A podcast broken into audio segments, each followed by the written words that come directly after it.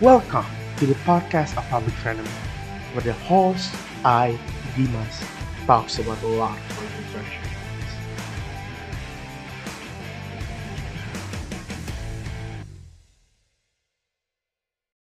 Hai all, kembali lagi di podcast Public Frenemy. Nah, gimana intro barunya? Lebih cun nggak? Lebih cun lah ya harusnya. Um, aku udah lama nggak upload. Hmm. Ya salah satu alasannya itu karena aku sakit dan sekarang baru sembuh, baru masa recovery mungkin istilahnya ya. Dan ya baru kali ini deh aku sehat, walaupun suara masih agak bindeng dikit. Aku sebenarnya bukan gak ada rekaman, tapi belakangan itu rekamanku tuh kualitasnya kurang bagus. Um, terutama kurang bagusnya itu secara konten yang dibawain gitu. Hmm, konten yang aku bawain tuh aku ngerasa um, gak genuine gitu, gak bener-bener keresahan gitu. Um, bukan sesuatu yang layak untuk diperbincangkan gitu. Nah sekarang aku udah ngambil stance aku yang lebih baru. Dan mungkin gak banyak orang yang terlalu suka, tapi aku pengen ngebahas sesuatu yang um, berada di sekitar lingkunganku gitu. Aku nggak mau sesuatu yang masif-masif banget lah. Sesuatu yang kuresain aja gitu sehari-harinya. Um, dan salah satu hal yang paling noticeable sekarang ini tuh adalah stres ya sih. ya gak sih? Kalau kita ngebahas sesuatu yang deket, maka kita bakal ngebahas tentang uh, kesehatan mental kita. Ya gak sih? Karena kan, apa ya? ya kan lagi rame aja gitu kali ya. Jadinya orang-orang, oh iya ini mental health ini, mental health ini, gitu-gitu kali ya. Um, karena kalau dikasih komparasi juga mental illness yang sekarang dan dulu itu beda banget gitu. Um, aku lupa deh di mana dan bisa jadi salah juga sih. Tapi aku pernah dengar kalau um, mereka yang gimana bilang ya, um, mereka yang dulu dicap sebagai mental illness itu adalah mereka yang satu tahap di atas depresi atau udah ada di dunianya sendiri begitu. Jadinya ada gangguan secara mental. Um, sekarang itu tuh orang-orang tuh gampang banget untuk mendiagnosa diri sendiri karena banyak banget kategori-kategori yang sebenarnya itu belum masuk ke mental illness tapi banyak banget orang yang promosiin untuk uh, gimana ya untuk jadi bagian dari mental illness itu sendiri. Padahal kalau secara klinis lagi-lagi ini kalau aku nggak salah dan boleh banget untuk dikoreksi itu adalah banyak banget orang-orang yang uh, banyak banget institusi sekarang yang udah bilang kalau self diagnose dan um, apa ya ya self diagnose dan ciri-cirinya itu tuh yang berkebaran di sosial media tuh sekarang tuh nggak terlalu valid gitu. Dan memang ya salah satu fungsinya itu tuh salah satu fungsinya ada mental counselor itu adalah um, untuk mendiagnosa gitu. Bayangin aja kalau kita nggak ngerti apa-apa tentang mobil, oke? Okay? Kita nggak ngerti nggak ngerti apa-apa nih tentang mobil sedikit pun nggak ngerti. Tapi kita tetap bersikeras gitu. Oh iya, aku tuh paham mobil. Kalau mobilku rusak, aku tuh bisa benerin pakai olinya. Aku tuh bisa ngedongkrak gitu. Karena sesuatu yang kita lihat di sosial media gitu. Karena ganti mobil di sosial media kan, ganti ban mobil di sosial media kan kayaknya gampang banget gitu ya kayak tinggal buka-buka aja gitu. Padahal aku pernah nyoba dan itu benar-benar sulit untuk ngelakuinnya. Bukan jadi prosesnya itu bukan sekedar uh, ngedongkrak doang, tapi juga muternya itu aduh beratnya nak ujubillah gitu. Aku nggak ngerti sih kenapa sampai sekarang tuh kayak orang tuh masih nggak aware gitu sama mental illness gitu. Tapi, tapi, tapi nih ya, aku tuh lebih nggak ngerti lagi sama orang-orang yang gunain embel-embel um, awareness, mental awareness, you know, etc. etc. Itu tuh untuk keuntungan mereka sendiri. Itu aku nggak pernah ngerti tuh. Um, menurut aku bukan cuma salah, tapi jahat gitu.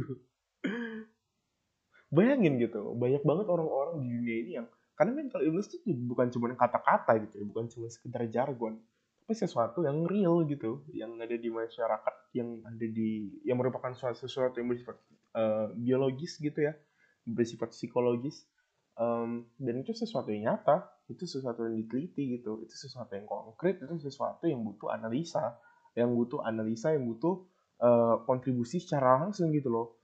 Um, menurutku ketika sekarang itu banyak banget orang uh, organisasi-organisasi mental health awareness yang bertaburan aku ngerasa itu nggak ngebantu sama sekali terhadap proses yang ada gitu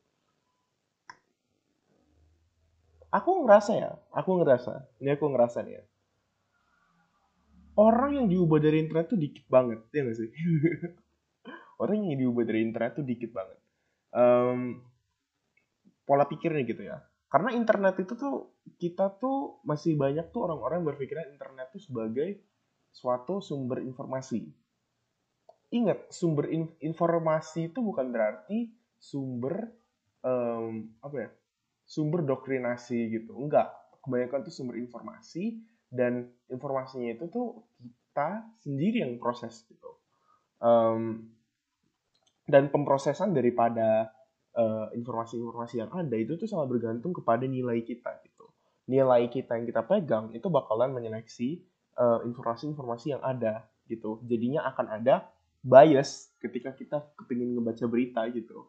Um, contoh gampangnya deh uh, at least aku gitu ya aku nggak bakal mau buka berita yang uh, yang websitenya itu belakangnya itu .xyz gitu atau .blogspot.com gitu. Atau TED News gitu. Paham nggak sih maksud aku? Maksud aku kalau dari sumber-sumber yang kredibel yang gak kredibel aku nggak bakal baca gitu. Tapi um, orang-orang tuh sekarang tuh ya itu disodorin informasi yang segitu banyak tapi uh, gak bakalan ngubah persepsinya gitu. Bahkan apa yang dia lihat itu malah bisa menguatkan uh, persepsinya gitu. Apa yang dia lihat walaupun kita mau promosikan sebaliknya dia bakalan bisa melihat sebaliknya. Contohnya seperti seperti argumentasi yang aku baru baru baru ini tuh baru sadar gitu. Um, jadi aku tuh merupakan seseorang yang bermain Facebook nggak aktif sih. Cuman ya ya, ya aku tuh main Instagram yang aktif tapi Facebook nggak terlalu. Um, tapi aku sampai sekarang tuh Facebook tuh tuh masih ada gitu. Um, dan salah satu hal yang paling menarik di Facebook adalah kita bisa bergabung ke komunitas luar gitu. Jadinya komunitas luarnya ini sebenarnya paling menarik gitu. Karena kita bisa tahu kalau kebodohan itu tuh gak cuma ada di Indonesia. Kebodohan tuh merata di seluruh dunia. Ada aja orang goblok gitu. Um, dan aku debat waktu itu masalah Ben Sapiro note aku tuh bukan orang note untuk kalian yang belum tahu Ben Sapiro itu siapa Ben Sapiro itu adalah uh, politisi luar negeri eh, politisi Amerika Serikat yang uh, berorientasi politik konservatif Oke, okay? jadi dia tuh orangnya tuh setauku ya, setauku dia tuh orangnya tuh nolak aborsi karena dibilang uh, hak untuk kehidupan adalah hak dari setiap makhluk, gitu-gitu deh pokoknya aku juga nggak terlalu ngerti. Terus dia juga bilang kalau misalnya Amerika itu adalah yang terbaik di dunia. Eh enggak deh, enggak enggak enggak, itu Stephen Crowder. Um, dia tuh bilang kalau misalnya apa ya, uh, racial inequality itu tidak ada gitu. Yang gitu gitulah pokoknya. Jadi dia tuh bukan libertarian. Di ya jadi dia tuh bukan libertarian. Dia tuh uh, authoritarian right namanya. Jadi dia tuh mendukung intervensi pemerintah di dalam suatu hal yang bersifat um, yang mampu untuk memperjunjung nilai gitu Is istilah gitulah jadi salah satu yang paling terkenal adalah debatnya soal aborsi jadi dia tuh nganggap kalau aborsi itu um, ad adalah bukan hak daripada uh, ibunya itu gitu. Jadi dia tuh kayak ngasih rin, uh, apa ya runtutan penjelasan-penjelasan sains mengenai apa yang dia percayai gitu. Dan bener aja semua informasi yang dia bilang itu sangat bias terhadap argumentasi yang mau dia dukung gitu. Dan argumentasi yang mau dia dukung adalah dia tidak mendukung kebebasan untuk ber untuk aborsi gitu. Nah, itu Ben Sapiro. Jadi, aku tuh in no way defend Ben Sapiro gitu. Sama seperti aku in no way defend um, siapa sih Lemon Lemon eh Trevor Noah kalau Lemon Lemon sih Trevor Noah gitu yang benar-benar leftist. Aku juga nggak dukung. Tapi aku menikmati gitu. Aku menikmati public speakingnya gitu.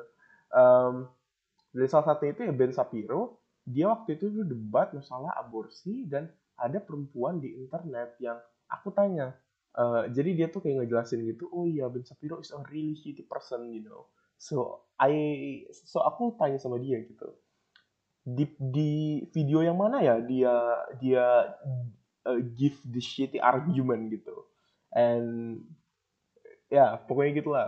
Uh, dia uh, bilang ini shitty argument dia bilang shi uh, apa dia bilang this shitty argument dan dia uh, dan kalau dia bilang begitu maka aku bilang aku kepingin belajar karena aku bukan seseorang yang dari Amerika Serikat gitu kan. Aku tuh ngelihat yang dia lakuin di YouTube tapi mungkin ada hal-hal yang aku ketahui gitu. Nah um, terus dikasih tahu tuh sumbernya sama dia dikasih tahu sumbernya sama dia. Iya ini ini ini ini ini. Um, kalau mau belajar nggak apa-apa gitu gitu katanya. Iya kalau mau belajar nggak apa-apa gitu gitu deh kata katanya. Kalau belajar tuh nggak apa-apa ini ya aku kasih linknya ya belajar ya gini gini gini gini gitu. Karena ini isu yang sangat penting. Terus aku tanya sama dia um, kalau misalnya tuh argumennya tuh begini. Anak-anak bakalan lebih anak-anak bakalan lebih senang ketika anak-anak hasil uh, anak-anak yang lahir dari hasil pemerkosaan akan lebih senang ketika dia itu hidup bersama ibunya gitu. Dan ibunya itu udah ngelahirin gitu katanya. Jadinya ketika sesuatu itu udah dilahirin maka itu udah jadi tanggung jawab terlepas dari dia menginginkannya atau tidak. Gitu pokoknya. Itu itu apa ya false on so many grounds kalau kataku sih. Tapi lagi-lagi itu cuma pendapat dia gitu. Aku menganggap pendapat itu adalah sesuatu yang apa ya sesuatu yang ya udah pendapat ya pendapat gitu. Pendapat itu bukan sesuatu yang dipercayai gitu. Tapi pendapat itu ya pendapat aja. Berarti ya opinion is an opinion gitu. Jadi intinya aku bilang tuh oh so uh, so what do you think is wrong with him? He just saying his opinion and you take offense of it gitu. Terus dia nyerang aku secara daripada dia ngebales apa yang aku bilang, dia ngebalesnya itu secara profil. Jadi dia bilang tuh, oh ya, uh, aku baru aja, gini, aku bahasa Indonesiain aja deh ya. Oh ya, aku baru aja debat, aku aku baru aja menghabiskan waktuku dengan debat dengan anak umur 16 tahun dan laki-laki, gitu. Gak 16 tahun deh dia bilang kayaknya 14 tahun atau 15 tahun gitu dan laki-laki katanya. Um, dan dia nganggap karena aku itu anak-anak, aku tuh nggak ngerti apa-apa gitu. Padahal ya memang bener sih. tapi dia tapi kan aku anak-anak tuh belum tentu, tapi karena dia dewasa juga belum tentu dia tahu apa-apa gitu. Karena pengetahuan itu kan bukan sesuatu yang berdasarkan umur ya. Um, ada anak yang belajar apa astronomi selama enam tahun gitu bakal lebih bagus dibandingkan ini. Apa ibu-ibu. Ibu-ibu apa ya ibu-ibu ignoran gitu tentang astronomi gitu mungkin ya. Nah um, poinnya adalah poinnya aku ngerasa kalau misalnya ageism itu eksis. Dan ageism eksis in both sides gitu. Jadi mau dari konservatif maupun liberal keduanya itu tuh sama-sama punya uh, ageism gitu. Kalau di konservatif mereka tuh mang, uh, kalau di konservatif mereka tuh mandangnya ageism itu adalah sesuatu eh, anak-anak muda itu terlalu idealis gitu.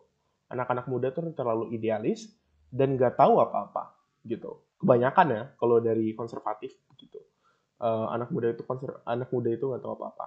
Karena mungkin dia tuh ngerasa dia udah makan asam, garam, gula, uh, apa lagi, samyang gitu, ajinomoto kehidupan makanya dia tuh apa apa kayak udah tahu segalanya gitu.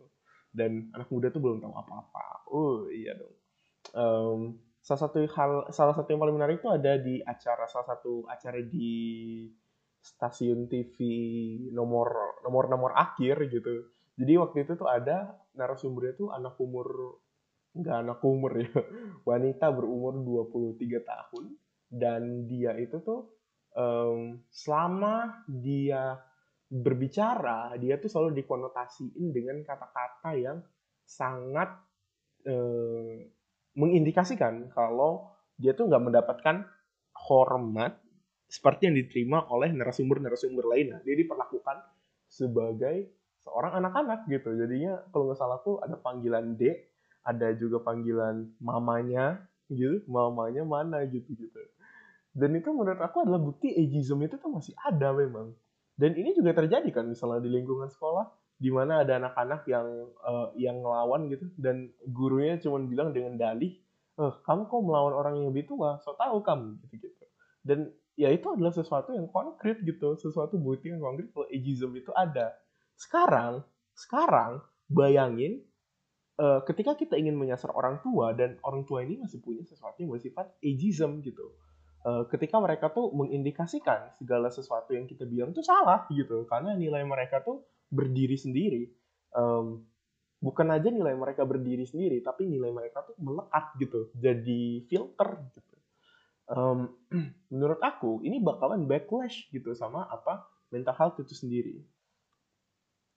Dan menurut aku ya, uh, pertama-tama itu ya policy-nya ya, policy of ageism gitu. Jadinya uh, bukan karena disuarai anak muda, maka akan lebih bagus gitu. Karena anak muda itu ya konservatif tuh mandang itu sebagai uh, saat subur saat apa ya saat labil-labilnya gitu. Mereka tuh nganggap tuh hormonnya itu tuh sangat berkembang gitu. Anak mahasiswa anak SMA gitu gitu um, jadinya menurut aku juga bukan sesuatu yang benar-benar strategis gitu.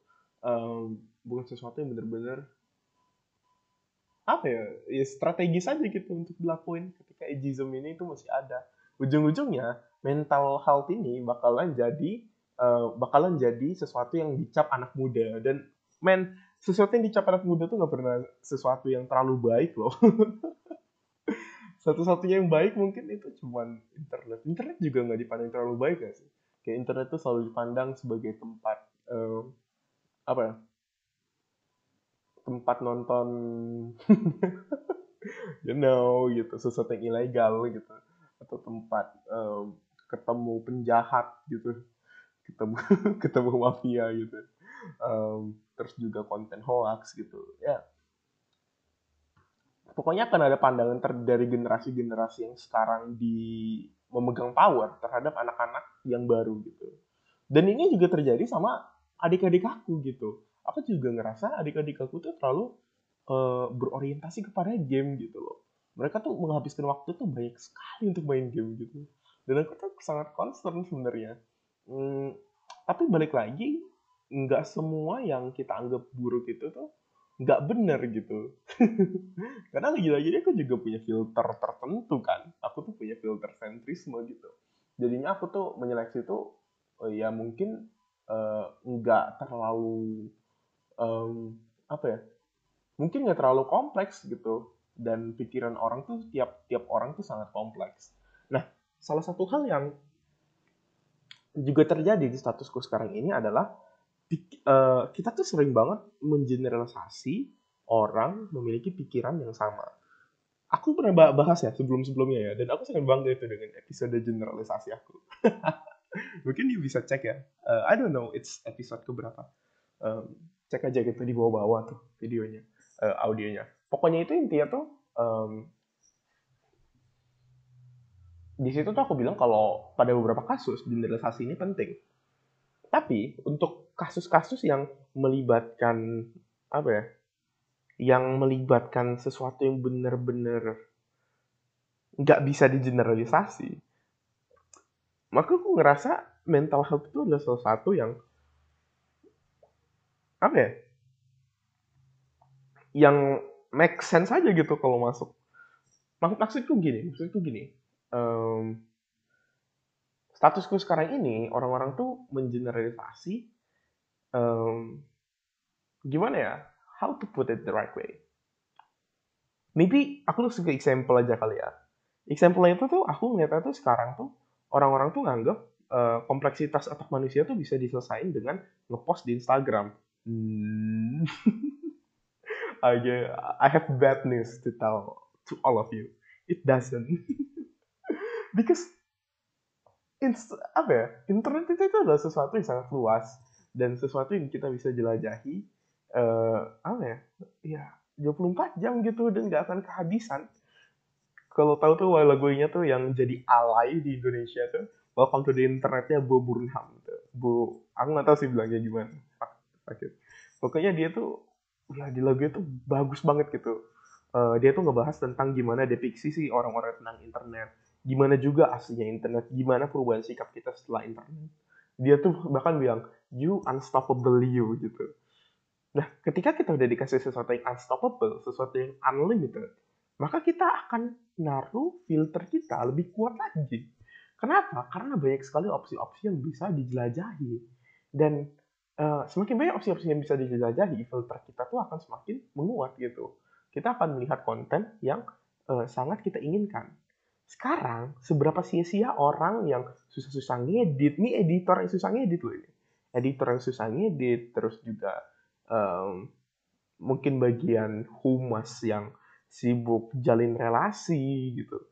Untuk sesuatu yang dampaknya itu sangat minim. Terus juga mungkin ada ini orang-orang yang buka paid promote gitu. Ada orang-orang yang buka paid promote.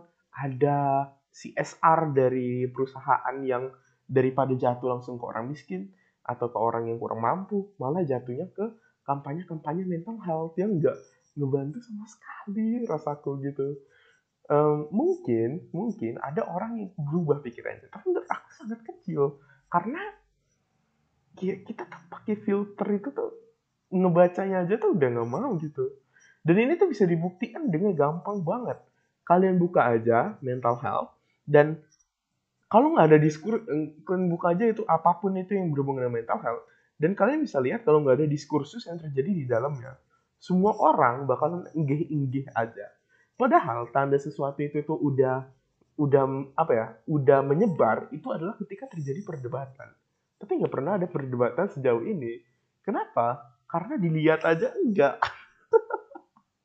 Ya sih? Kita nggak bakal bisa debatin sesuatu yang kita bahkan nggak peduli gitu.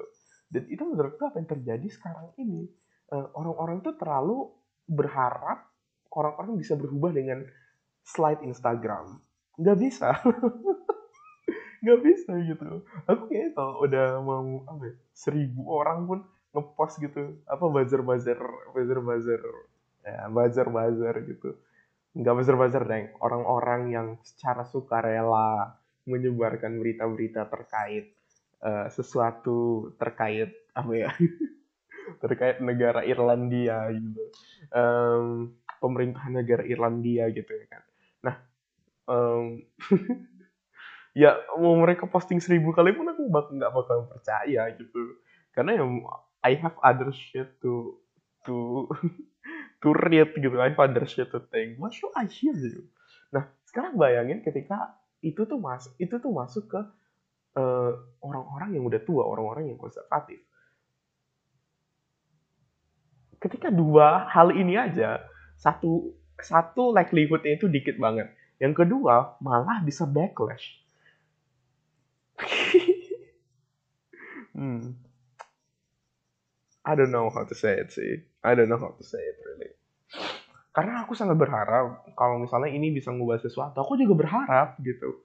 Tapi nggak bisa gitu um, nah jadi aku ngomel-ngomel aja gitu solusinya apa solusinya aku juga masih belum tahu aku juga masih belum tahu aku juga masih belum tahu gimana cara orang tuh bisa benar-benar aware sama mental health tapi satu hal yang aku tahu nggak nggak terlalu berguna untuk nge-share nge-share di Instagram nge-share nge-share di story. Itu tuh cuman itu cuma nakal-nakalan mereka aja gitu. Supaya uh, oh so you have good portfolio. Meanwhile it's actually maybe it's just to fit your ego man. You just wanted to you just want other people to know that you care about this stuff when you are actually only supporting your own um, your own desire to be seen as someone who is care ya yeah. kita tuh cuma pengen orang-orang aware kalau kita aware akan sesuatu gitu. Jadi kita tuh bukan mau orang tuh aware sama apa yang kita bawain, tapi kita mau tuh mau orang tuh aware sama apa yang kita awarein gitu. this is my point, this is my point.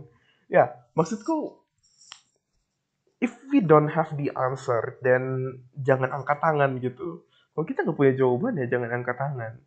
um, maksudnya jangan angkat tangan tuh jangan menawarkan diri gitu dan aku memang nggak tahu jawabannya gitu dari semua ini tapi one thing for sure aku nggak bakalan sembrono angkat tangan bilang aku tahu gimana caranya bilang kalau aku tuh peduli dengan ini bilang kalau aku tuh um, apa ya?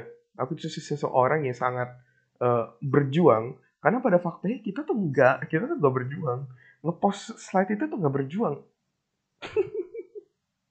Masalahnya yang baca slide ya yang peduli juga yang gak peduli juga skip yang uh, yang komen yang engage itu juga mereka yang peduli doang gitu. Ujung-ujungnya kita bakalan terlalu peduli sama sesuatu sampai-sampai kita nganggap orang yang nggak peduli sama sekali itu is a piece of shit gitu.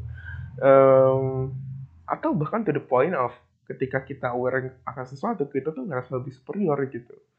Um, jadi apa yang harus dilakuin aku juga belum tahu. Tapi sejauh ini salah satu hal yang paling berhasil yang paling berhasil nih ya um, kita udah tahu kalau naruh paru-paru di puntung rokok itu nggak ngelakuin apa pun gitu ya sih? Naruh paru-paru apa paru-paru sakit di rokok tuh nggak mempengaruhi apa pun. Nggak um, ada juga yang tobat gitu tobatnya karena penyakit. Jadi menurut aku itu aja sih harus ada konsekuensinya gitu. Um, untuk mereka yang ngelakuin ini harus ada konsekuensinya. Dan salah satunya itu adalah perlindungan mungkin terhadap mental health dan um, aku nggak tahu deh gimana cara ngelakuinnya. Pokoknya aku ngerasa kalau misalnya aksesibilitas terhadap um, mereka yang memiliki penyakit mental itu tuh harus ditingkatkan gitu um, juga mungkin daripada fokus terhadap uh, daripada fokus terhadap buat lagu, buat jingle gitu ya. Mungkin pemerintah Ir Irlandia tuh bisa coba ngebuat um, apa ya? Ya itu mungkin konsultasi gratis gitu. Ada hotline-nya gitu. Jadinya tuh jadi sesuatu yang normal gitu, bukan sesuatu yang normal ya, tapi jadi sesuatu yang gak asing aja gitu di masyarakat. Ketika mereka butuh pertolongan, maka terus siapa yang harus dihubungi pertama kali? Um, aku rasa begitu sih. Karena most of these people they they need someone to talk to. Uh, they need someone to care about them. Uh, they need someone to make this shitty world doesn't look so shitty. You know what I mean um, ya mereka butuh orang-orang yang seperti itu gitu. Dan kita nggak bisa ngubah shitty world ini gitu.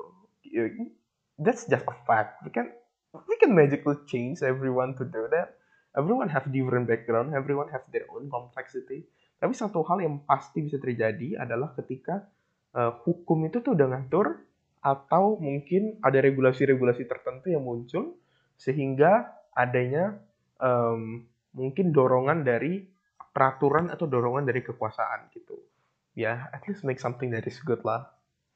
Um, daripada membuat anggaran enggak, enggak, enggak, enggak. Udah, udah kali ya, udah kali ya. Ya pokoknya itu intinya aja gitu. If you are right now being exploited, if you are right now feel that you have the need to share as to how polar bear is is uh, is apa ya, is dying in uh, is dying in I, I don't know polar bear di atas di bawah sih di atas kayaknya ya berarti di apa sih namanya Duh, goblok banget. North Pole ya, kutub utara ya. Um, nah, nah ngasih itu nge-share itu tuh nggak ada gunanya lah gitu. Um, itu that will not change uh, anything gitu. Walaupun kita ngirim bantuan ke mereka juga that, that still not change anything gitu. Bakal tetap ada climate change, bakal tetap ada ini, bakal ada itu um, HP-HP yang kita buat ini juga diproduksi di pabrik-pabrik yang memproduksi banyak sekali gas-gas yang memperparah um, CFC, CFC gitu. Uh, banyak juga mungkin server-server lainnya yang kurang ramah lingkungan. Mungkin ada juga um, apa ya? Yang nggak tahu deh aku. I mean the possibility are endless that what we are doing right now might be backlashing to our own idea. Um, then not talking about something doesn't mean that you don't care about it. However, it means that, however, talking about something meaning that you have the responsibilities to it. and if your and if you don't have that kind of responsibility and you only want the benefit of it then I don't know man. You should rethink your choice. Or a sis or whatever it is that you prefer to call yourself. Okay that's me. Ciao. Maybe I will back. I don't know. I w- I don't want to promise anything. Bye